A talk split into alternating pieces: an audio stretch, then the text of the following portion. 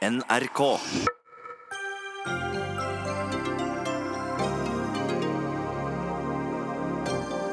Opposisjonen ville lempe på asylpolitikken for de såkalte oktoberbarna, men Sylvi Listhaug sendte 26 spørsmål i retur. Dem nekter opposisjonen å svare på, da kan vel Listhaug gjøre som hun vil? Ulvedebatten er preget av følelser og eventyr, mener zoolog Petter Bøckmann, og møter en opprørt Sandra Borch fra Senterpartiet. Og en ungdomsskole valgte å droppe tentamen før jul av hensyn til elevene. Skal det ikke utsettes for noe som kan virke stressende?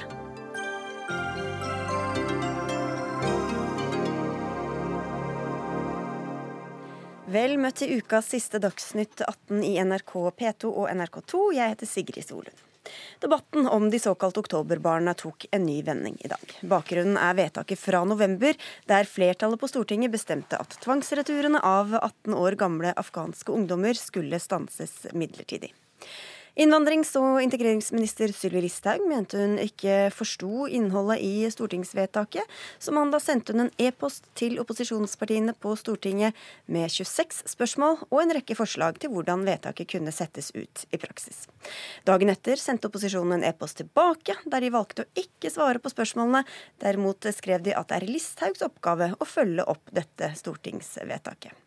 Så innvandrings- og inkluderingsminister Sylvi Listhaug, la oss begynne på begynnelsen. Hva i dette stortingsvedtaket var det du ikke skjønte? Det er jo sånn at det ble fatta uten utredninger. Eh, det fantes ingen merknader til forslagene. Det kan tolkes i forskjellige retninger. Det, bare eh, For dem som ikke husker det, hva, hva, er det det sier egentlig? Nei, Det er jo det at de som har fått vedtak etter 1.10.2016, skal få sine saker vurdert på nytt dersom de er henvist til internflukt. Og Når du begynner å gå ned i disse spissfindighetene i jussen her, så kan det tolkes på mange måter. Det som er mitt anliggende oppi det hele, det er at jeg ønsker at jeg og regjeringa skal følge opp dette vedtaket i tråd med det Stortinget ønsker. Eh, derfor så tok jeg jo også opp underveis i debatten 14.9 at det var mange løse tråder og at dette kunne tolkes på ulike måter. Eh, da sa også Jonas Gahr Støre både i Stortinget og på Dagsrevyen den dagen at det skulle man bidra til å oppklare. Så fra min side er dette her én en eneste ting. Det er et ønske eh, om at vi skal gjennomføre dette her sånn som Stortinget, eh, Stortinget ønsker det. Sånn at vi får, får komme videre. Og så sier du da til NRK i dag at du tar Eh, responsen som en tillitserklæring, og at Stortinget da Du tolker det som at de er enig i disse forslagene du skisserer under de 26 punktene. Hvordan kommer du til den konklusjonen? Nei, fordi at Man har jo vært veldig tydelig i kommunikasjon etterpå at det er regjeringa sin oppgave også å gjennomføre disse vedtakene. Og at det har man da tillit til at regjeringa skal kunne gjøre. Så er jo jeg opptatt av at det skal vi gjøre i tråd med det Stortinget vil. Og Derfor så har jeg tatt en ekstra runde gjennom dette brevet for å skissere hvordan dette kan gjennomføres i praksis. Fordi at jeg ønsker det at dette skal skje så fort som mulig. At det skal skje i tråd med det Stortinget ønsker. Og så lenge ikke det finnes merknader eller andre ting som gjør at man kan tolke i detalj hva Stortinget ønsker, så er det rett og slett fordi jeg, vil, jeg, vil, gjennomføre det dere ønsker. Eh, det er ingenting annet som ligger bak dette her. Vi skal komme tilbake til den tolkningen, eh, men Stein Erik Lauvås, du er innvandringspolitisk talsperson for Arbeiderpartiet. De parlamentariske lederne forholdt seg altså ikke til innholdet i brevet fra Sylvi Listhaug, men sa bare at dette må du finne ut av selv. Hvorfor tok de ikke tak i eh, det som det faktisk ble etterspurt? Fordi at uh, det er en del av det uh, politiske systemet vi har. Det er at Stortinget vedtar, uh, og Stortinget kjenner ikke statsråden annet enn at når hun kommer med en sak til Stortinget. Slik er det. Og jeg hører at Listhaug sier at hun, hun, vil gjennomføre vedtaket. Ja, hun har jo ikke noe valg, ikke sant? for er, hun har fått stortingsflertallet mot seg. Hun har manøvrert seg selv eh, inn i et eh, hjørne i denne saken som gjorde at hun fikk stortingsflertallet mot seg. Hun vil ikke eh, egentlig gjennomføre det, fordi at Listhaug er jo dundrende uenig i vedtaket. Jo, men, og derfor så prøver men, men det... hun seg nå derfor så prøver hun seg nå å komme unna dette, trenere dette, ved å drive en, eh, etter mitt syn, høyst uvanlig forsøk på å få partiene på Stortinget til å drive en saksbehandling som Listhaugs eget departement eh, skal gjøre. Listhaug sitter med en stor administrasjon i sitt jo, men det, departement. Det vedtaket dere, sitter, dere fattet, det var jo veldig, er du enig i ja, at det kan men, tolkes i mange forskjellige nei, retninger? Listhaug må da sørge for å finne ut av det. Ja, men hvis det, så, hvis det, er så, knapt sitter, at det kan tolkes i mange retninger, hvordan skal hun da gå fram for å vite at hun, hun gjør det Stortinget vil? Listhaug sitter med en av landets beste juridiske kompetansemiljøer. Hun sitter med en meget uh, fagsterk administrasjon. Mm. Ja, men hvis Dette du kan svare på det jeg spør Listhaug finne ut av. Hvordan skal hun vite, ut fra et veldig knapt vedtak, som kan tolkes i mange forskjellige retninger? Ja, da får hun komme til Stortinget med en sak. Ikke forsøke å for å si det litt folkelig, orme seg unna dette, for det er det hun gjør. Eh, nå lager hun en stor sak av dette, istedenfor å gå inn i materien, sørge for å få de faglige utredningene. Hun sier selv at dette er spinsfindig juss. Ja, du sitter med hele apparatet. Du er statsråd, du har ansvar for dette. Du har å følge opp Stortingets vedtak. Og er du utrygg på hvordan det skal tolkes, så må du komme til Stortinget med en sak. Ikke sende et brev eh, til de politiske partiene Hvorfor og be de politiske partiene drive saksbehandling. Dette er det, dette er det politiske demokratisk system vi har hatt i Norge siden vi fikk Stortinget. Og det begynner å bli noen år siden. Og nå prøver Listhaug, som jeg sier, å orme seg unna dette. Det burde hun slutte med, og så burde hun gjøre jobben sin. Hvorfor, hvorfor går du ikke fram sånn som det er parlamentarisk grunnlag for å gjøre, og sånn som du skal gjøre, forholde deg til Stortinget på den måten regjeringa skal forholde seg til Stortinget? For det sitter mange unge mennesker og venter på hvem som skal omfattes av denne, disse regelendringene. Ja, hva har det med saken å gjøre? Ja, Det betyr at jeg mener at det bør gå raskt. Og det er derfor jeg Det har gått seks uker siden dette vedtaket ble fattet. Ja, og vi har jobba på spreng med dette vedtaket for å følge det opp. Men hvorfor Men sender, du, hvorfor sender du, et uformelt brev i stedet for å forholde deg til Stortinget sånn som en statsråd skal forholde seg til Stortinget? Så det, at Stortinget også kan forholde seg til deg på den måten de skal?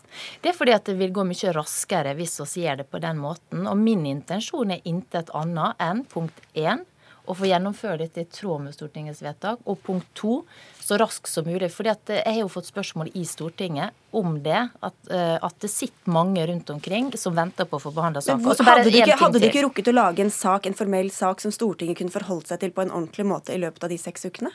Nei, det er altså bare utredningene, disse spørsmålene som nå er lista opp i dette brevet, har vi brukt lang tid på, nettopp fordi at det er komplisert juss. Og så vil jeg bare si ja, jeg var uenig i vedtaket. Jeg mener det er feil at voksne menn som har fått avslag på søknaden, skulle få behandla saka si på nytt. Men Stortinget fatter vedtak. Da skal jeg gjennomføre det sammen med resten av regjeringa så fort som det overhodet lar seg gjøre. Eh, det fantes ingen utredning, og da er det sånn at man må utrede i etterkant. Ja, det eh, og det fantes ingen merknader. Da må man ta dette i etterkant. Så jeg syns bare det er veldig merkelig, for det, jeg ønsker, er å få denne saken okay. ut av verden. Men da må vi, spørre, si... men høre med Laus, Hvorfor skal det være så formalistisk? Hvis dere og Støre har sagt at vi er gjerne med på å hjelpe hvis det er vanskelig, vi kan hjelpe til med å finne de praktiske løsningene, hvorfor skal man da uh, la, et, la, stoppe, la, seg stoppe av at det er et brev og ikke en sak til Stortinget? Det, jo, altså jeg skjønner ja, at det kan måtte forenkle det. Men vi snakker faktisk om eh, det norske styresystemet som jeg sier, og som vi har hatt siden Stortinget kom til Norge, siden vi opprettet Stortinget. Eh, og da blir det, eh, da blir det altså helt feil, det Listhaug nå prøver å gjøre. Eh, for nå prøver hun å få ikke Stortinget, men hun prøver å få de politiske partiene på Stortinget, som utgjorde et stortingsflertall, til å gjøre den jobben som Listhaug selv skal gjøre. Men Hva, hadde hun rukket, hva mener du at hun, hun kunne gjort farlig, på disse ukene? Hun er farlig nær statsråden med å, med å få eh, et treneringssak på seg i tillegg. Nå har hun lagt seg ut med stortingsflertallet. Hva, hva mener du at Nå er hun i ferd med å kunne gjøre det igjen. Ja, det vil ikke være bra for verken statsråd eller regjering. Hva mener du at hun kunne gjort som hun hadde rukket å gjøre i løpet av de seks ukene nå, for å, for å forholde seg til dere på en formelt riktig måte? Statsråd Listhaug har vist meget sterk handlekraft i tidligere saker på meget kort tid, som også var meget kompliserte. Da gikk det å gjøre det.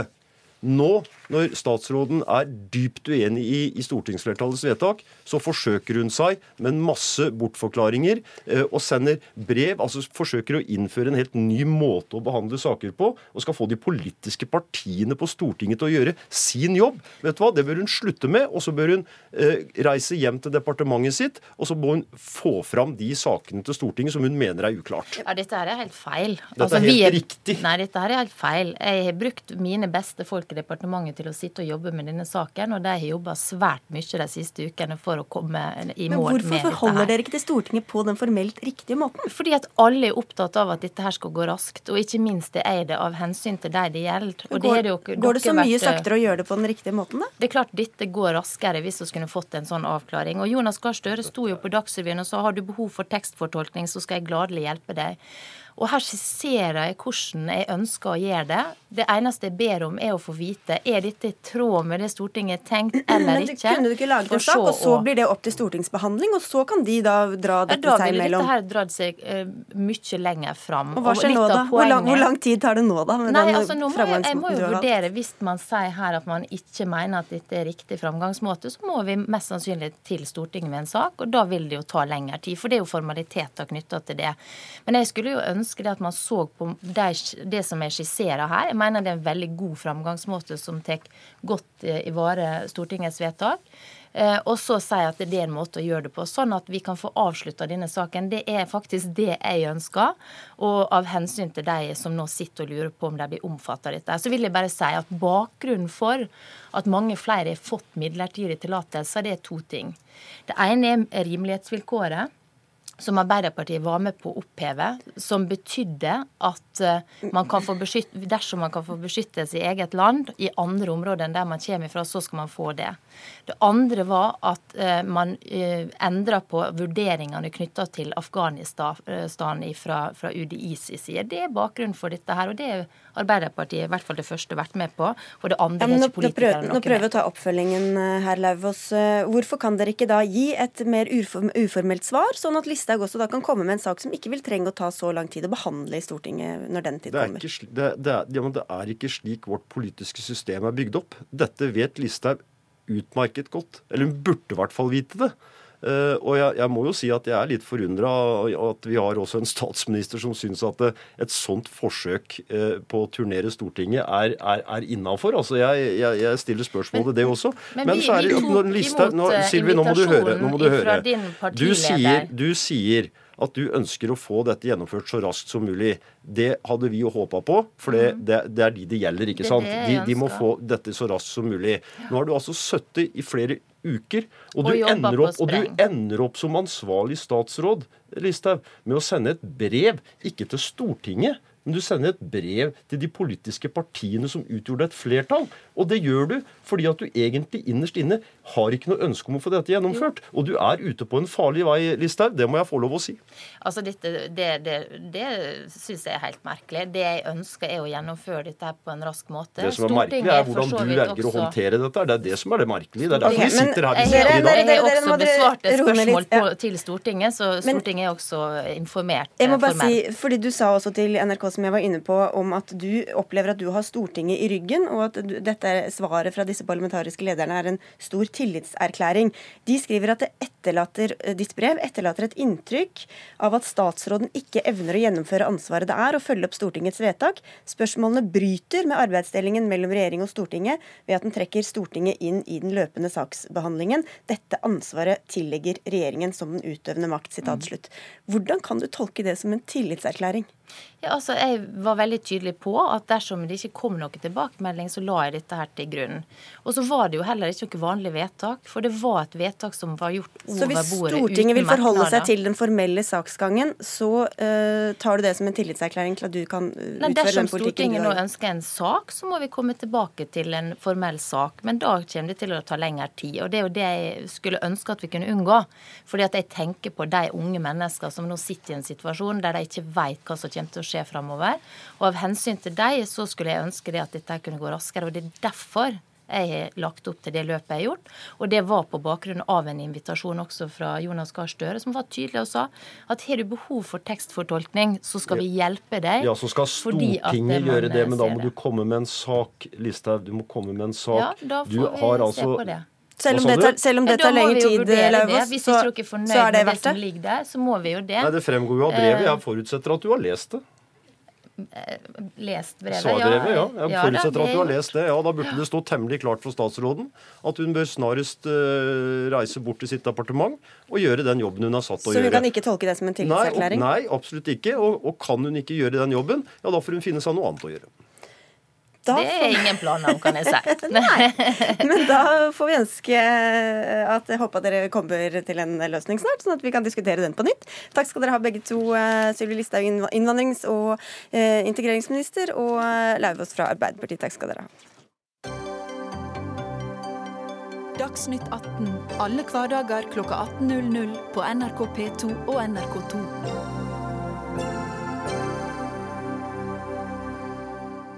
Onsdag denne uka publiserte Dagens Næringsliv en sak om at Arbeiderpartiledelsen hadde fått reaksjoner på en SMS sendt fra nestleder Trond Giske flere år tilbake. Dagen etter publiserte VG en sak hvor de knytter saken til det de mener er en pågående maktkamp i Arbeiderpartiet. I dag avviste partileder Jonas Gahr Støre i Politisk kvarter her i NRK at det er en sånn maktkamp i partiet. Det vil jeg avvise, eh, og det kjenner jeg meg ikke igjen i det som avisene her skriver. La meg først si for dette handler jo om det temaet vi har vært opptatt av i høst, metoo og uønsket eh, opptredende atferd. For oss er det et stort og viktig tema. Eh, som leder av Arbeiderpartiet vil jeg si til vår organisasjon at vi har nulltoleranse mot uh, trakassering, upassende opptreden. Og det viktige nå er at de som har noe å si, de som har noe å fortelle, har opplevd noe, skal være trygge for å kunne stå fram. Det håndterer vi godt i vår organisasjon. Vi har retningslinjer, vi har håndteringsprosedyrer for hvordan vi kan gjøre det på en skikkelig måte for de som har noe å fortelle, og for de som har noe å bli fortalt om. Men av det jeg har sett i avisene, og som er omtalt der, er ikke av en sånn karakter at jeg mener det er grunn til å fremme anklager eller reise det som en sak. Ja, det sa altså um, Jonas Gahr Støre. Filip Rygg, du er leder i tankesmia Skaperkraft og tidligere KrF-politiker. Og du har reagert på hvordan mediene behandler denne saken, fortrinnsvis da VG og Dagens Næringsliv. Hva er det du reagerer på? Nei, det er spesielt to ting som jeg syns er problematisk. For det skapes en enorm dramatikk rundt, eh, rundt dette. Eh, Dagens Næringsliv presenterte Trond Giske med en skummel, mørk profil, svært oppslag. Eh, skandale. Og så viser det seg at SMS-en er relativt eh, forsiktig, for å si det mildt. Vi har stått i en veldig viktig eh, sak de siste månedene rundt metoo. Vi har også en norsk kontekst rundt Vi tror deg, og det har vært mange, mye fokus på både trakassering og forskjellige overgrep. Dette må leses inn i den konteksten. Og da syns jeg det er underlig å se det hardkjøret som kjøres eh, mot en toppolitiker på den måten. Bare forklare for alle som ikke har fått med seg. Dette var altså snakk om en SMS som eh, Trond Giske sendte til en ung kvinne i AUF, hvor han lurte på hvor de hadde fest. og denne, Dette ble en sak som ble tatt opp internt i Arbeiderpartiet. Eh, så hvorfor ikke skrive om det? Nei, altså, Man skal selvfølgelig skrive om saker. så det, det, som jeg reagerte på, det var den dramatikken som ble skapt rundt dette her. Eh, når det viser at det er så lite substans igjen i saken. Eh, selv den personen som får den SMS-en, ber VG om ikke skrive saken, for syns ikke det er noen sak. Eh, og alle involverte bekrefter det samme inntrykket. Det som skapes gjennom spesielt gjennom Dagens Næringsliv, det er jo et inntrykk at her har vi en eh, ny metoo-skandale på vei opp. Og så viser det at det er nesten ikke noe. Og det er nesten jeg lurer på, Kommer det en sak B? Men det har det jo ikke kommet. Mm. Så, så hva, hva, er det man egentlig ønsker å oppnå her? Og det som, det som man ender opp med, det er at man har plassert en uh, litt sånn skummel uh, sak du ikke kan forsvare deg mot, i media på en toppolitiker uh, på en veldig uheldig måte. Vi har invitert Trond Giske, men han har ikke svart oss i dag. Og Dagens Næringsliv hadde ikke mulighet til å stille, men heldigvis er du her, Hanne Skartveit. Du er politisk redaktør i VG. Hvorfor fulgte dere opp denne saken? Vår vinkling er maktkampen i Arbeiderpartiet. Vi skriver veldig tydelig i vår sak at etter det VG erfarer, skal meldingene fra Trond Giske ikke ha inneholdt krenkende innhold. Det som er vårt fokus, er at det som har skjedd, har utløst en enorm maktkamp, eller fortsatt egentlig en enorm maktkamp i Arbeiderpartiet. Folk sitter nå på kontorene sine og gråter. Lederen for kvinnenettverket i Arbeiderpartiet, Anniken Huitfeldt, har gått ut og advart om at rykter om trakassering kan brukes i en maktkamp. Det er virkelig å ta en sånn chilling effekt, nedkjølende effekt på den type varsler, som det er helt oppsiktsvekkende at lederen for kvinnenettverket i Arbeiderpartiet kommer med. Så dette er en sak med store dimensjoner som ikke er en metoo-sak, men som er en sak om maktkamp i Arbeiderpartiet. Men dette som Rygg nevner her, altså vi er midt oppi en sånn metoo-kampanje som er veldig omgripende. Hvordan kan det påvirke hvordan også denne saken blir tolka, og, og hvilket lys den blir lest i? Nettopp Derfor var det så viktig for oss å skrive at dette var en melding som ikke hadde krenkende innhold, men at det som har skjedd, har utløst sterke reaksjoner i Arbeiderpartiet hvor det er Jeg kan nesten ikke huske jeg tror nesten det er verre enn det var under Jens Stoltenberg og Torbjørn Jagland-maktkampen i Arbeiderpartiet. Det er altså en partiledelse som, hvor folk står mot hverandre. Det er et, eh, en strid og sterke følelser og så mye kaos at det, hvis ikke vi hadde skrevet om det, hadde vi ikke gjort jobben vår. Ja, Philip Brygg, Det handler jo ikke da om denne SMS-en som sådan, men om, hvor, om, om hele opplegget rundt og hvilken eh, kontekst det blir satt inn i. Ja, det er jo rart at alt vinkles på, på SMS-en. da. Det er uh, SMS-en som er uh, bitter uh, bitter Ap-konflikt etter Giskes SMS-er. Hele ingressen handler om det. Ja, langt nede i saken så får du vite at det også er i en kontekst rundt en maktkamp. Men hele fokuset er, er, satt inn i den konteksten som metoo, MeToo har. Og så er det jo selvfølgelig det, kan, ja, det er helt sikkert maktkamp i partiet, men vi er samtidig i en fase hvor ikke er det landsmøte. Det, valget er ferdig, det, konsolideringen er ferdig. Eh, sånn at hvis, hvis, man skal forklare en maktkamp, så bør man forklare det med langt mer enn SMS som er både gammel, og som ingen syns var særlig alvorlig. Det er klart Når vi får kjennskap til at det har vært en sak hvor man har gått til partisekretæren i Arbeiderpartiet, Raymond Johansen, med en bekymring som da Tonje Brenna, som var generalsekretær i AUF på det tidspunktet, gjorde, så må vi undersøke rundt det. Det gjorde vi, og så stilte vi saken i bero da den unge kvinnen ikke ønsket å, å, snakke med oss likevel. Ja, For hun sier at det ikke er noen sak? ja, nå sier hun at det ikke er noen sak. Og, og Tonje Brenna ville, ville trekke intervju med dere? Ja, men så gikk jo da Anniken Huitfeldt på talerstolen i Arbeiderpartiets eh, gruppemøte og sa dette med at rykter ikke måtte brukes i en maktkamp. Og det skapte enorme reaksjoner. Og så sier hun at hun har blitt litt misforstått, og at ikke det var sånn. Og hun gjentok noe av det samme på sin egen Facebook-side, og har jo også vært her og utdypet det. Eh, jeg må si at som kvinne, hvis man går ut og sier at rykter blir brukt i en maktkamp, så vil det for en del unge jenter vil jeg tro, sitter og lurer på skal de fortelle eller ikke hva de har opplevd, så vil det ha en ganske nedkjølende effekt. Og at lederen for kvinnenettverket i Arbeiderpartiet går ut på den måten, syns jeg er oppsiktsvekkende. Kan det være at eh, det å vende dette bort fra innholdet i kritikken og over på til å bli en sånn metasak, også er en del av den samme maktkampen, Erik? Det kan, det kan, godt være. og jeg, klart det, For meg er det litt uvanlig å sitte og forsvare Trond Giske jeg, og heller ikke forsvare Anniken Huitfeldt. Så det, det, er vanskelig for meg å gjøre. Det som Grunnen til at jeg tar dette opp, er jo ikke fordi at jeg vil forsvare verken SMS-er eller noe Trond Giske kan ha gjort eller ikke har gjort. Grunnen til at jeg tar det opp, det er jo fordi at at uh, når man bygger saker på den måten, så, så tror jeg det ødelegger både for metoo, som er en utrolig viktig kampanje, Eh, pluss at det også ødelegger for politikerrollen, hvor, eh, hvor, eh, du kan få sånne ting slengt på deg uten at du nesten kan forsvare deg mot det. Magnus Takvam, politisk kommentator i NRK. Hva slags sak er det her egentlig?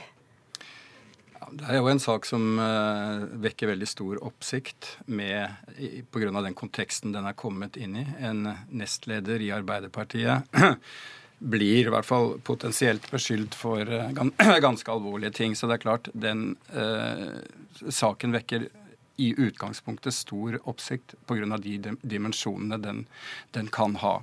Så vil jeg personlig si at jeg, jeg, har stor forståelse for at det blir en debatt om saken i utgangspunktet var stor nok til å publiseres uh, uten videre.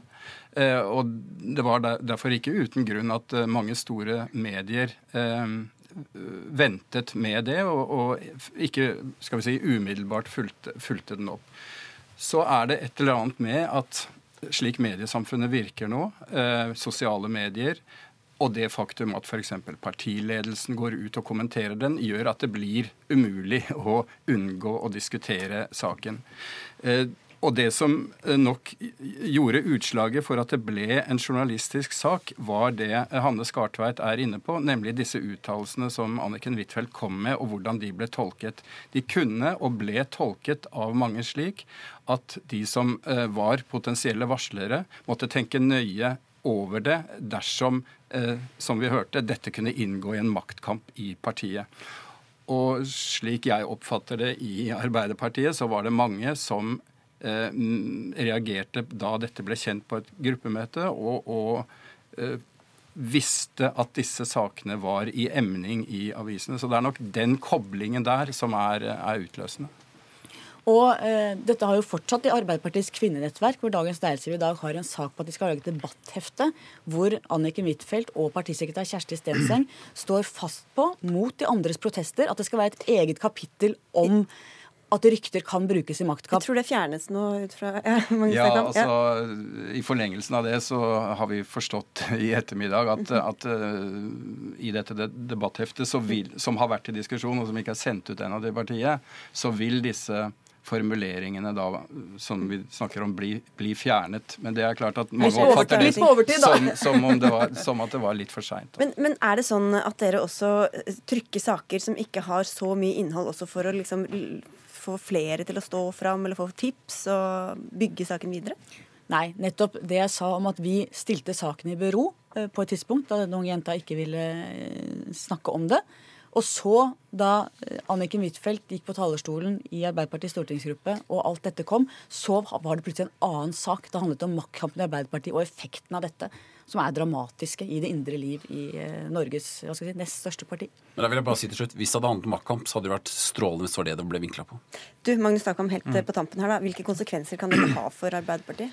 Nei, altså Det vil jo være avhengig av om det, om det skjer videre, noe videre i denne saken. Hvis det ikke skjer, så, så, så vil den ikke ha den, den, store betydningen. Men det er klart at dette kommer på det verst tenkelige tidspunktet for uh, Arbeiderpartiet. Uh, altså, det var jo en uh, valgnederlaget så kom striden om eh, konstituering av Arbeiderpartiets gruppe, der mange som også nå reagerer, reagerte på at Trond Giske ble utpekt som Eh, finanspolitisk talsmann på bekostning av Marianne Martinsen. Så i forlengelsen av det så forsterker og forlenger det disse eh, skal vi si, bitre interne konfliktene i Arbeiderpartiet, og det er det de aller minst trenger i øyeblikket. Dere, Tusen takk skal dere ha for at dere kom. Hanne Skartveit i VG, Filip Rygg fra Skaperkraft og våpendraget for Trond Giske, får vi si, i denne saken, og Magnus Takvam for NRK.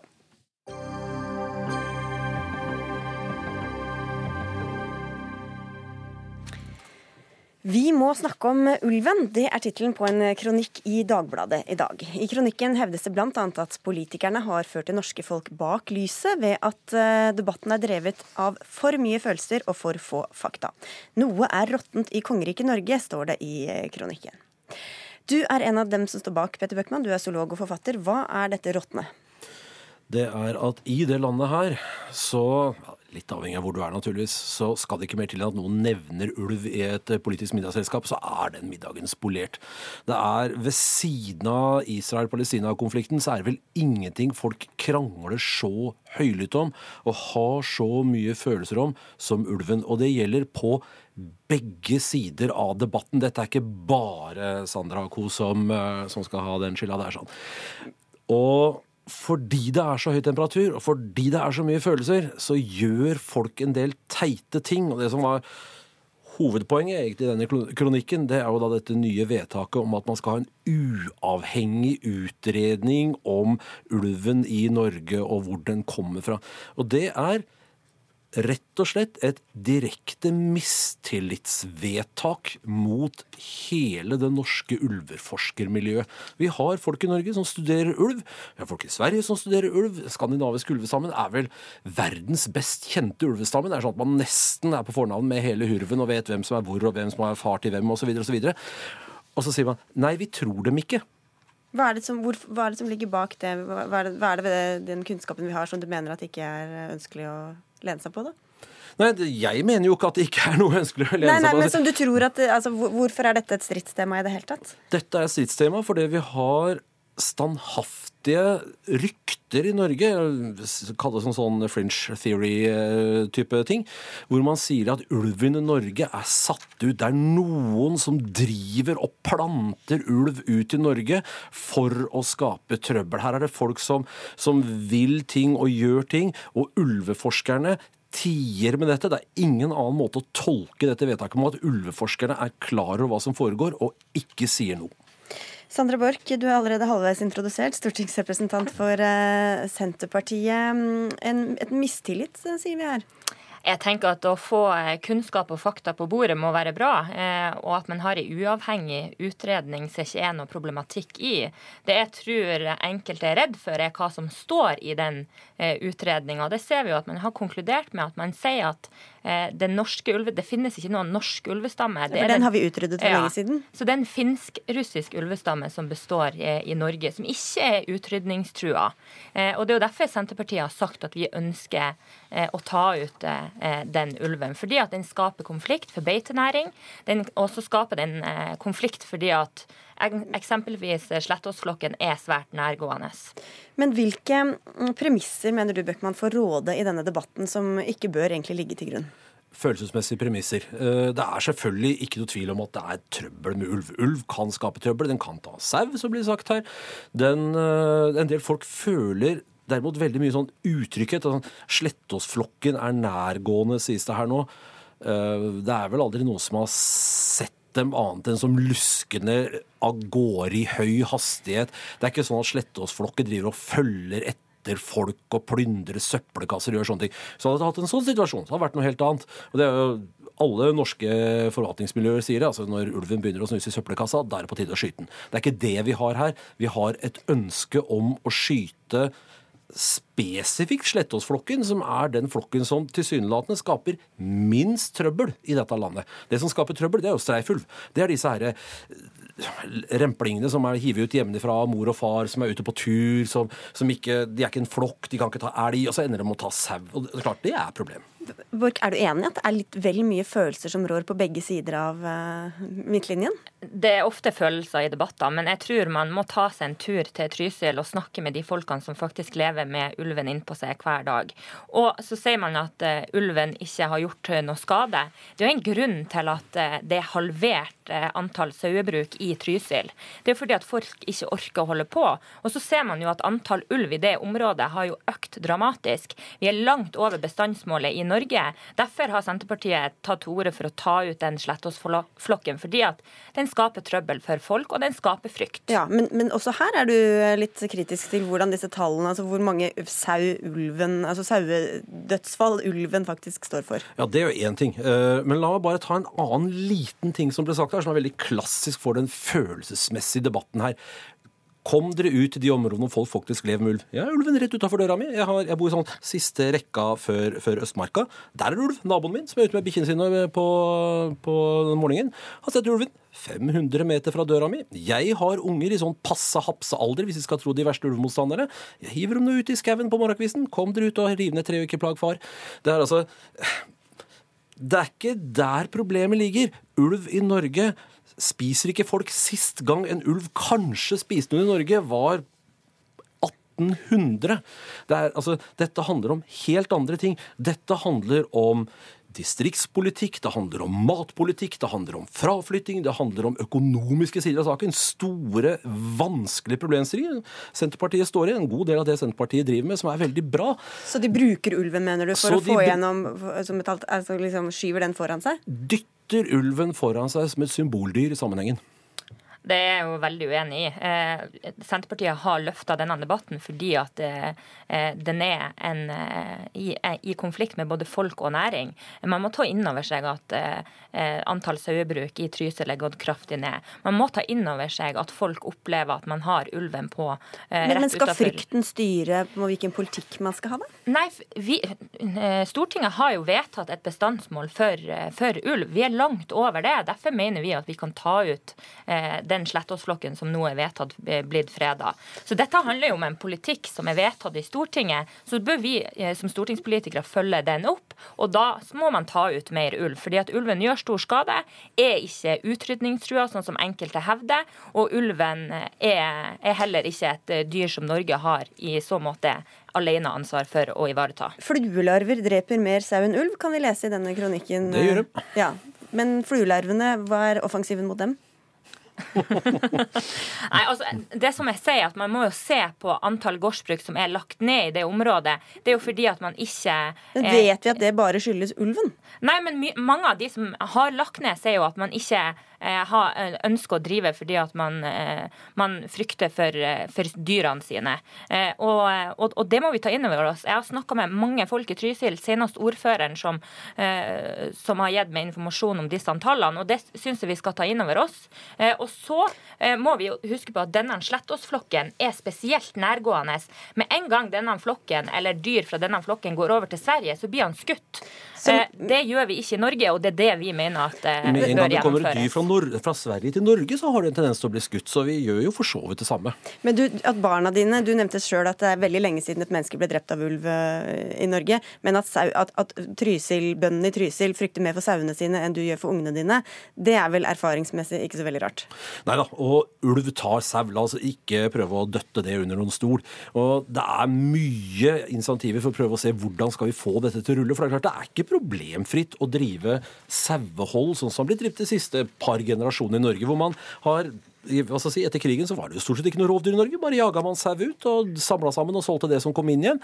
Det går ikke når man har ulv i området. Så enkelt er det. Så har man store statlige støtteordninger med gjerder og overgang til kveg osv. osv. Men det er jo helt korrekt som Sander her sier. altså det er i, Særlig i disse områdene her så er det jo knapt sauebønder igjen. Da får vi avslutte med en slags enighet i hvert fall om det. Eh, takk skal dere ha, zoolog Petter Bøckmann og Senterpartiets Sandra Borch.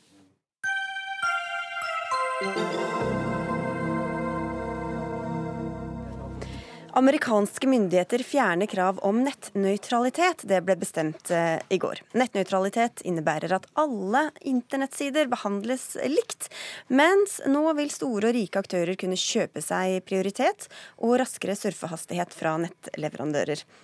Var det riktig, Martin Gundersen, du er journalist i NRK Beta? Det stemmer. Veldig godt oppsummert. Takk skal du ha. Hva mer kan du si om denne nettnøytraliteten, hva den innebærer?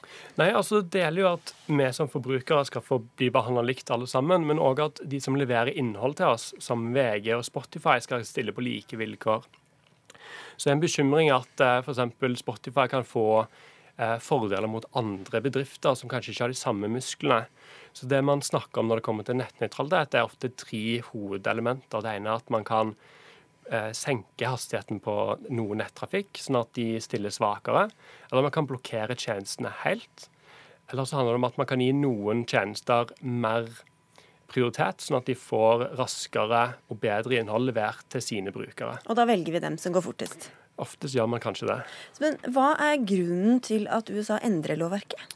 Nei, altså Det er jo en sammenheng med at man har deregulert en del sektorer i USA. Og han som er formann i eh, den føderale organisasjonen som driver med telekommunikasjon, har hatt et uttalt mål at man skal fjerne flest mulig reguleringer som han mener reduserer konkurransekraften til USA. Mm. William Nygaard, du er styreleder i Norske Penn. Hva frykter du kan bli konsekvensen av en sånn lov? Jeg vi kan vel først si at det er dette trekket som vi nå ser i amerikansk politikk, eh, hvor eh, dagens regime med mange midler og på ulike måter går til angrep på ytringsfriheten og pressens eh, aksjonsmulighet. Her har vi et eksempel på at man ved, gjennom å argumentere ved markedsmakt, rett og slett, mener at eh, nettnøytralitet er eh, en dimensjon i samfunnet som eh, på den ene siden kan fremme mangfoldet, men man ser behovet for at markedsmakt for store aktører er viktigst. Dette er sånn sett en ideologisk kamp hvor ytringsfriheten vil, bli, eh, vil kunne trues, og demokratiske prosesser. Men, men hvorfor at liksom Spotify går litt fortere enn konkurrenten? Hvorfor er det en potensiell fare for eh, ytringsfriheten og pressefriheten og alle disse viktige frihetene? Eh, poenget ved nettnøytraliteten er jo likhet. At små aktører like vel som store aktører kan få likhet til nettet og distribusjon av, av informasjon. Eh, og Sånn sett kan vi si at eh, dette er et uttrykk for en eh, autoritær holdning til både kommunikasjon, til Eh, ja, tidligere også gå så langt som å si til pressefriheten, og som vil slå ut i en ideologi som er en utfordring for demokratiske prosesser i USA. Gundersen, hvem tror du først og fremst eh, kommer til å eh, tape og vinne på, på dette? Det man først og fremst tror at det er forbrukere i USA skal man legge merke til dette. Fordi det er lokale monopoler i USA, store deler av USA, hvor man ofte bare kan velge mellom én eller to internettilbydere til hjemmenettet sitt. Og Da er man redd at eh, man kommer til å lage veldig vanskelige datapakker som de må kjøpe, og hvor de kommer til å få dårligere tilbud, for det er ingen konkurranse som kan sikre at de ulike selskapene spiller på det samme nivået. da. Hmm. Hva med norske forhold, da? Det er jo det er vel ikke noe landegrense for nettet, men kommer dette til å ha noe for, for oss? Uh, ja, når det gjelder nettnøytraliteten og, og, og, Norge, så er jo den veldig godt forankret. Uh, uh, ved fornyelsen av vår grunnlov, hvor forsvaret av den offentlig opplyste samtale ved det offentliges hjelp er en forankring som, eh, som er, slår ut her i Netcoms, altså Telepost- og eh, Teletilsynets eh, først forordninger og etter hvert også over i lovgivning faktisk i 2017. Norge var først ute allerede i 2009 ved å tilrettelegge for nettnøytralitet. Senere har de også kommet i 2015 i, i EU, men i Norge ligger det godt an. Men det er helt klart at denne type utvikling, denne den tendenser eh, i liksom demokratiets idealsamfunn, nemlig USA, hva dette kan føre til av forskyvning av holdninger over tid, det kan man jo undres over. Så til slutt her, Martin Gundersen, Det er åpenbart mange som er for dette i USA, men hva er reaksjonene ellers uh, over there? Det man har sett mest, er vel kanskje et furore på internett, hvor brukere har sagt at dette er ikke greit. Og det er veldig mange som har sendt inn eh, brev hvor de fortalte at de syns denne endringen ikke skal skje. Og I den anledning er det mange organisasjoner og en del statsadvokater i USA for eh, mellomstatene har sagt at de kommer til å gå til retten for å stoppe den endringen. Takk skal dere ha, begge to, William Nygaard og eh, Martin Gundersen fra NRK Beta. Hør Dagsnytt 18 når du vil. Radio NRK Radio.nrk.no.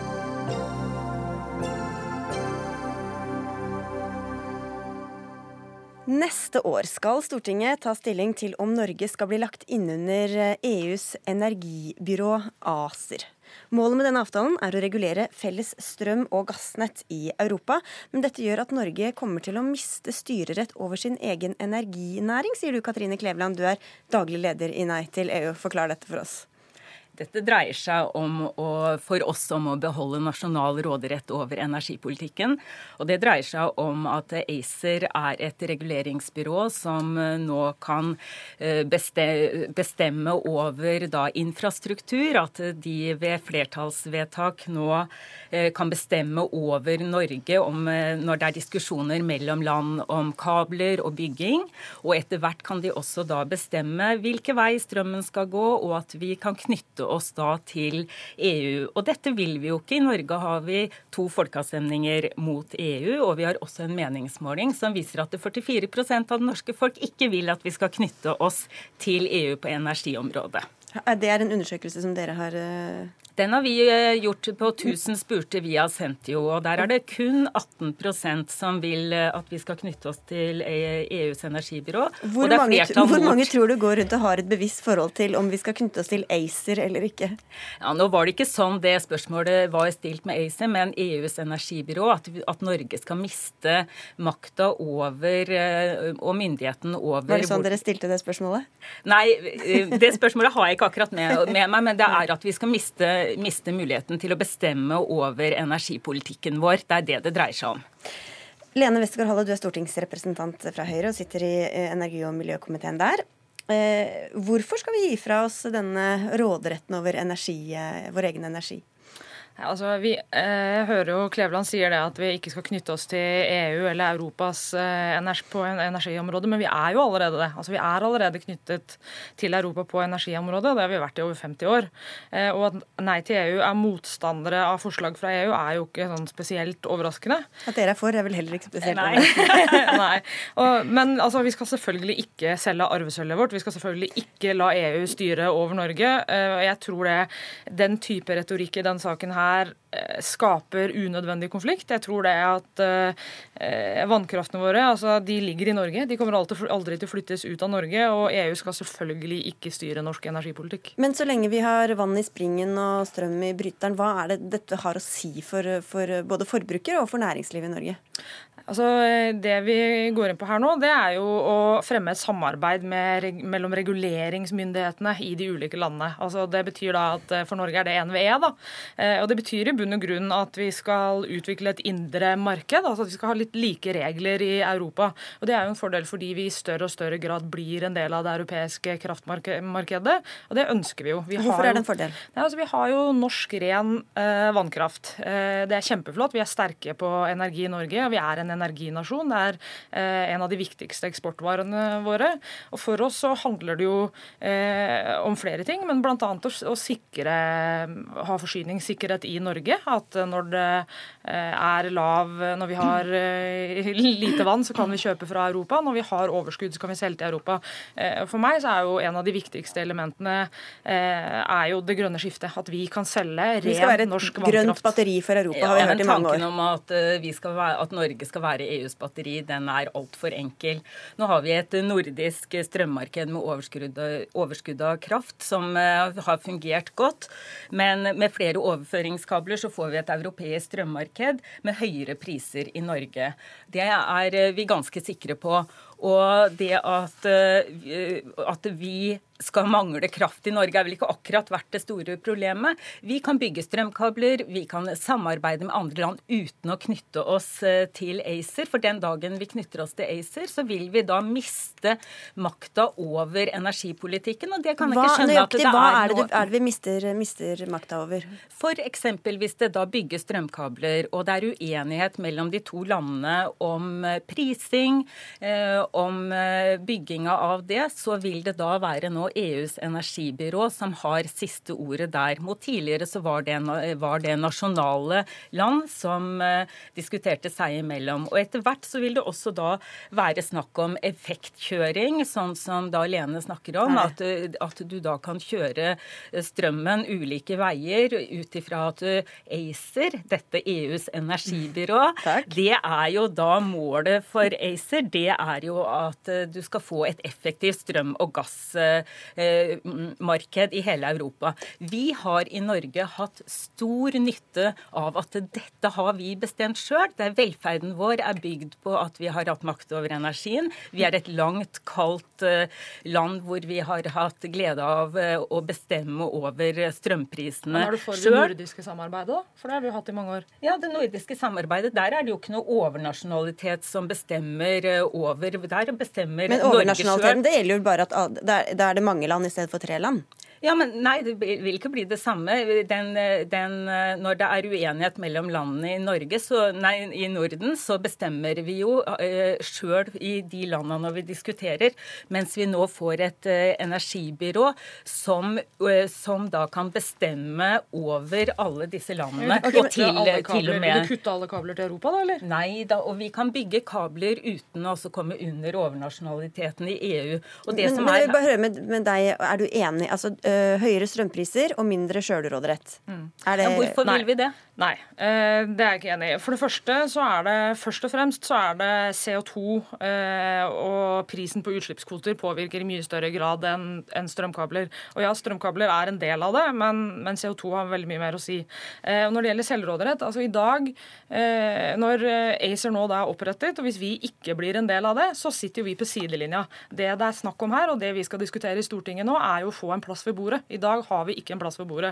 Eh, vi har vært med i litt sånne underarbeidsgrupper og litt sånne små samtaler med, med, med ACER, men det som er fremforhandla nå, det vi skal stemme over i Stortinget, er om, om eh, Norge skal få en plass ved bordet og faktisk skal kunne påvirke i, veldig mye. I motsetning til hvordan vi ellers har det. Men ikke bestemme. For eh, om NVE får en plass ved bordet her, så vil ikke det bety noen ting. For da, når, eh, når eh, EUs energibyrå ta- tar sine avgjørelser, så er vi jo da ikke tilknyttet EU. Så må vi lage kopivedtak via EØS-avtalens ESA, og så krever da EU at det opprettes et eh, organ i Norge som heter Reguleringsmyndighet for energi. Og det er det vi har sagt i statsbudsjettet nå, så har faktisk regjeringa forskuttert dette ved å sette av 55 millioner kroner til det jeg kaller Norges dyreste kopimaskin, som skal kopiere disse EU-vedtakene. Og da blir komiteen din, Lene, da blir den sittende på gangen. Energi- og miljøkomiteen melde, kan dette ikke er- bestemme Dette er noe jo av bare det. retorikk, og det er sånn klassisk det er det autopilotretorikk fra nei til EU. Det er sånn, Alt som kommer fra EU, det er vi imot, og det kan vi ikke være for. De 50 Jeg er millionene, alt de, de 50 millionene del av RME er satt av for å skille ut av en administrativ del av NVE. Det Fordi brukt- EU det har vi brukt, og det har vi alltid brukt penger på, så det er på en måte ikke noe nytt. Og det å lage en sånn stor Jo, dette er noe nytt er for i forhold, i forhold til Kan- Kan jeg få lov til å snakke litt? Grann? Takk. Um, og det er, jo- altså, det er jo sånn i dag at hvis vi ikke sitter ved bordet og ikke i, snakker med, med ACER om det vi ønsker å få til i Norge, så har vi ingen innflytelse. Og det er sånn det er i dag. Det vi gjør nå, er jo å sikre oss en plass ved bordet. Og det å si nei til det gjør jo at vi blir stående på utsida. Og, utsida. og det å si det at nei, det kommer ikke til å ha noe effekt, det er jo veldig spesielt. For det er jo den måten vi samarbeider med EU og klarer å påvirke i veldig stor grad i dag. Eh, vi gjør det på annen type infrastruktur. Jernbane f.eks. Veldig godt eksempel. Vi har påvirket i veldig stor grad. Eh, og du trenger ikke å sitte og ha stemmerett, selv om jeg personlig skulle ønske det. og Da hadde vi hatt mye mer innflytelse. Men det å sitte og si det at nei, vi skal bare sitte på sidelinja, vi skal ikke involvere oss, vi skal ikke mene noe som helst, det sikrer jo ikke Norges stemme. La meg bare spørre, men Har vi noe valg, da? Det, er, eh, det har gått åtte år, og vi har ikke knytta oss til ACER. Det er åtte år siden, eh, siden ACER ble oppretta, og det, vi har da utsatt i åtte år. Jeg ser ikke noe folkekrav om at vi skal knytte oss til ACER i den nærmeste tida. Og jeg har et spørsmål til jeg, jeg har et eh, spørsmål til Lene. Hva vil ACER være om to år? Det har nemlig utvikla seg disse åra med å få mer og mer ansvar. Og det er ikke noe tvil om at EU har et mål, og det er EUs energiunion. Og de vil knytte oss nærmere og nærmere ja, altså, EUs energiunion. Dette er jo bare vikarierende argumenter for å løfte en EØS-debatt. Det er jo det dere egentlig ønsker. For alternativet er jo å melde seg ut av EØS, og det er jo det Nei til EU egentlig ønsker. Så dette er jo bare Men å bruke en er knagg jeg så glad for for at vi stoppa før vi fikk den debatten. Jeg tok Så ikke får vi den i se dag, hvilket vi fakkeltog som blir størst, mot eller for eh, ACER eh, og norsk eh, underlegenhet der, holdt jeg på å si. Takk skal dere ha i hvert fall begge to for at dere kom, Katrine Kleveland fra Nei til EU og Lene Westgård Halle fra Høyre.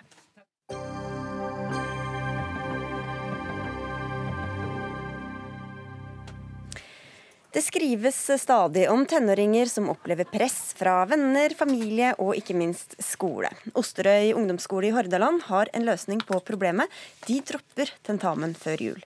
Er det sånn vi skal bedre psykisk helse blant ungdom? Nei, sier du Sandra Bruflot, du er nestleder i Unge Høyre. Men hvorfor ikke? Nei, jeg tror at hvis du er 15 år og du stresser deg sjuk pga. tentamen, da er det noe annet vi må gjøre. Da må vi se for hvorfor man lar seg sjøl bli så stressa pga. en vurderingssituasjon. Og jeg tror at hvis det man velger å gjøre, er å fjerne tentamen for å få bukt med det problemet, ja, da begynner man i feil ende. Men det er jo sånn, over halvparten av tiendeklassingjenter i, i Oslo rapporterer Mm. at de har psykiske helseplager, ifølge en rapport fra Høgskolen i Oslo og Akershus, Mm. og ser en sammenheng mellom dette kar- karakterpresset og dårligere mental helse. Mm. Tentamen er jo en del av det. Ja, absolutt. Men altså, problemet her er ikke først og fremst at man er stressa pga. av eller problemet er at man lar seg stresse av en sånn situasjon. Jeg tror at altså, hvis, hvis du er 15 år så er det klart at ja, skolen kan være stressende. Prøver kan være stressende, og, og testing kan være stressende. Men tentamen er for det første en bra vurderingssituasjon, fordi at det er en stor prøve som viser ganske mye av det du har opplært deg i løpet av året. Og det er en veldig god forberedelse til eksamen. Og når du er i 10. klasse, så, så, skal, du, så skal du ha eksamen. Og så tror jeg også at altså, av alle ting, da, så er vel egentlig tentamen på ungdomsskolen en av de litt mer ufarlige prøvene man skal gjennom, faktisk. Og da tror jeg man må jobbe mer med hvorfor elevene legger dette sykelige presset på seg sjøl og på hverandre, og mindre med å fjerne tentamen, for det er ikke det som først og fremst er problemet. Freddy André Øvstegård, du er nestleder i Sosialistisk Ungdom. Fjerne tentamen en god idé, eller? Ja, Vi syns det er fint at uh, Osterøy skole, som gjorde det i dette eksempelet, da, tok det på alvor at så mange ungdom sliter psykisk, som uh, vi ser at ungdom gjør. Og at så mange ungdom nettopp også rapporterer at det er pga. økende skolepress at de sliter psykisk. Så det er ikke det at tentamen i seg selv er et stort problem, eller noe vi ønsker å fjerne fra, fra norske skoler, eller noe sånt noe. Men det er en del av et sammensatt bilde. Et sammensatt bilde som består av veldig mye testing og pugging, veldig mange kartleggingsprøver. Og når man legger det på toppen av alt det andre presset og stresset som norsk ungdom i dag utsettes for, ja, da mener vi det er på tide å redusere antall tester og gi heller elevene tid til å lære. Og gi også lærerne den faglige tilliten de trenger for å følge opp hver enkelt elev gjennom tilpassa undervisning. Men her er det snakk om unge mennesker som etter hvert skal ut i arbeidslivet, og alt det stresset som ellers eh, pågår rundt omkring i, i, i livet. Hvordan skal man forberede dem på det, hvis du skal fjerne alle stressende elementer i skole, skoleårene?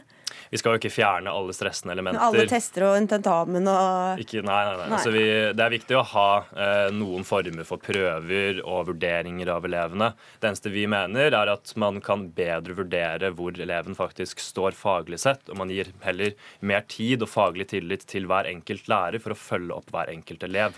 Ja, Dette er jo en ny tone fra SU. fordi Tidligere så har dere jo vært mot både tentamen, eksamen, prøver og karakterer. Så hvis det eneste dere vil nå er å redusere litt på antall prøver i skolen, så er jo det, da er det to helt forskjellige ting. Da, da har dere blitt et nytt parti. Det, da. Nei, altså Vi, vi syns det er fint nå at denne skolen så på For de hadde jo en undersøkelse ikke sant, som viste at halvparten av jentene på ungdomsskolen i den mm. kommunen mm. de stressa seg eh, på en måte langt over det som er, er sunt for, for, en elev. Eh, og de sa at det var pga. skolepress. Og da gjorde de det tiltak. Det syns jeg er helt fint. Og så er det vår politikk på dette her generelt. handler om å redusere antall testing, litt mindre pugging, litt mindre av den målstyringa som norsk skole handler om i dag. Hvorfor skal du fjerne det i stedet for å gjøre dem bedre i stand til å takle det? Jeg tror man er jo nødt til å gjøre begge deler. Vi er nødt til å både sørge for eh, flere helsesøstre på skolen og jobbe for en bedre psykisk helse, men vi må jo også mm. ta tak i de problemene som gjør at elever i Norge stresser seg syke.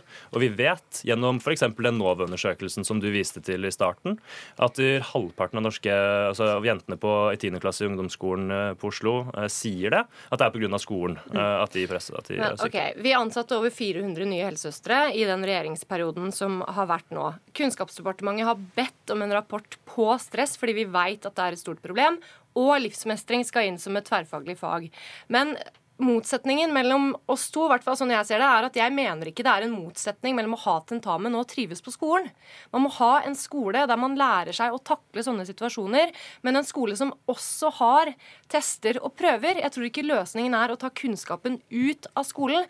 Og jeg syns fortsatt det er litt merkelig at du ikke svarer på Men tar man kunnskapen ut av skolen fordi ja, man fjerner man fjerner, et visst antall prøver? Hvis du fjerner prøver, tentamen, eksamen og karakterer, som mm. vitterlig har vært SU sin politikk, i hvert fall fram til Har dere endra politikk, eller er det bare at hun sier dette, at dere har en annen politikk? Ikke. Altså, vi ønsker å erstatte eksamensformen vi har i dag, med en eksamensform som går over lengre tid. Mappevurdering. Mappevurdering er ikke ja. eksamen. Men vil dere ha vanlige prøver, altså tester i skolen også? Ja, ja det vil vi ha. Ja, okay. Det vi sier, altså Jeg har jo sagt hva vår politikk er hele veien nå. Fordi altså, vi må jo ta det på alvor, da, det norske Absolutt. elever sier. De sier at økt skolepress gir også psykiske problemer. Men må det presset komme fra antall tester? Ja, det, men det er det de sier selv. Og vi må okay. ta såpass tro på ungdommen når de sier at alt det presset på skolen altså vi har for eksempel, ja. I sommer da, så var, det, så var, det, en elev som sa at i enkelte uker på 10. klasse så var det vurderinger hver eneste dag. Mm. Ja. Klart at det gir økt press, og da må vi gjøre noe politisk for å sørge for mer læring på skolen og mindre testing ja, det må på skolen. Ja. flott. ja, fordi, og det er ingen som ønsker seg at elever på ungdomsskolen skal ha prøver hver dag. Og det, men det er det som skjer nå. Ja, men hør nå. For det første, da burde man jo være for tentamen. Fordi tentamen er en vurderingsform som går over flere timer, som har en ganske sånn, altså store oppgaver, som får vise fram ganske mye av det du har lært i løpet av et år. Det betyr også at det er mindre behov for andre prøver i løpet av året. Så Sånn sett så burde jo SU faktisk være for tentamen, fordi det er en vurderingssituasjon der elevene får vist mye av det de kan, og da blir det færre sånne teach to test-prøver der de pugger til en prøve og så glemmer kunnskapen etterpå. Men det er også ikke bare elevene, men 75% av lærerne mener de Mm. bruker for mye tid på rapportering som følge av dette testregimet. Er det blitt for mange prøver? Altså, jeg, For det første, da. Sånn som Osterøy eh, Ja eller nei? eh, Det får lærerne vurdere sjøl, og jeg vil ikke pålegge skolene. Men det er jo ganske mye- skolene mange eksempel, som er pålagt Men de også. Ja, blir jo pålagt. Eksamen er pålagt. Tentamen kan de åpenbart droppe. Det Nasjonale prøver eh, kan, må de ha. Veldig bra å ha nasjonale prøver, og grunnen til det er at vi må se hvor elevene ligger an. Det betyr ikke at vi skal godta at elever stresser seg Det syke. men da er det ikke så valgfritt alt sammen, da. Nei, alt er ikke valgfritt, og alt burde heller ikke være valgfritt. Men f.eks. tentamen er det. Det bør det fortsatt være. Men vi kan ikke godta at det enten er sånn at elevene er stressa, eller at vi skal ha tentamen. Fem sekunder på tampen. Ja, Det er ikke et enten-eller-spørsmål, dette. Det handler om å redusere noe på antall testing, pugging, det regimet vi har i skolen i dag. fordi det må jo være en kjensgjerning at altså, grisen blir ikke tjukkere av å veies hele tiden. Hvis man ikke får tid til å følge opp den testingen, hvis man ikke får tid til å følge opp og gi ordentlige Ja, vurderinger okay. til hver enkelt elev, så lærer man heller ikke mer av det. Tusen takk, Freddy André Øvstegård og Sandra Bruflot fra henholdsvis SV, SU og Unge Høyre. Dagsnytt 18 er over. Dag Døre, Merik Sandbråten og jeg, Sigrid Solund, takker for oss og ønsker god kveld og god helg.